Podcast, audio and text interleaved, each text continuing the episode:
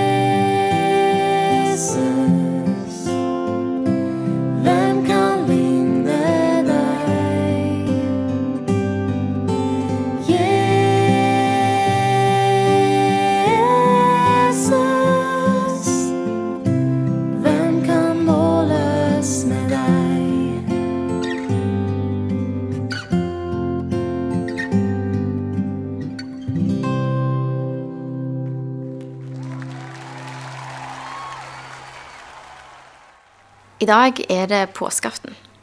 Dagen mellom Jesu korsfestelse og Jesu oppstandelse. En ganske viktig dag i fortellingen om Jesus, spør meg. Og Likevel så står det nesten ingenting om han i evangeliene. I Lukas evangeliet nevnes ikke dagen i det hele tatt. Og i Markus så står det en halv setning. Utrolig kort om det som må ha opplevd som en uendelig lang dag for disiplene. Siden det står så lite, så kan vi naturligvis ikke vite helt sikkert. Men jeg tror det var en utrolig vanskelig dag for disiplene. En dag hvor det virka som at det de hadde satsa livene sine på, viste seg å bare være tull. En dag fylt med sorg, sjokk, skuffelse, fortvilelse, forvirring og kanskje òg sinne. Sinne på Jesus, som hadde lurt dem så grundig, og som det viste seg at bare døde som hvilket som helst annet menneske. Sinne på Gud, kanskje, som ikke greip inn og redda Jesus sånn som de kanskje hadde forventa. Langfredag hører vi om at Jesus roper 'Min Gud, min Gud, hvorfor har du forlatt meg?' når han henger på korset. Og kanskje var det disiplene sin opplevelse dagen etterpå òg. Hvor er du, Gud? Det var ikke sånn dette skulle gå. Det virker nesten som at evangelieforfatterne bare har lyst til å spole forbi denne dagen. Kanskje var det bare for smertefullt. Eller kanskje føltes bare dagen ikke så viktig i lys av at Jesus sto opp igjen. Jeg tror kanskje at vi òg haster litt forbi denne dagen. Fordi vi vet at i morgen, da står Jesus opp. Men det er i morgen. Og i dag så har jeg lyst til å invitere dere til å bli litt i denne dagen. Nettopp fordi vi vet at morgendagen kommer. Kanskje er du en av de som føler at Gud er langt borte. Eller det har skjedd ting i livet ditt som gjør at du har flere spørsmål enn svar. Kanskje er det noen du kjenner som har opplevd et eller annet som har rysta livet deres på en sånn måte at ting har ikke blitt sånn som de har tenkt. Og de opplever sorg, skuffelse eller smerte. La oss ikke haste oss for fort av gårde, men ta oss tid til å se hverandre. Høre på hverandre og be for hverandre. Sende en melding til noen og si 'nå trenger jeg at noen ber for meg'. Eller ta kontakt med noen du kjenner som går gjennom en vanskelig periode og spør 'hvordan går det', og bare vise omsorg. Vi kan la oppstandelsen kaste lys òg over denne dagen. Men la oss ikke spole forbi han eller late som at han ikke er her. For nettopp pga. oppstandelsen så kan vi få hvile i at Gud er her òg. Selv om vi ikke alltid ser det.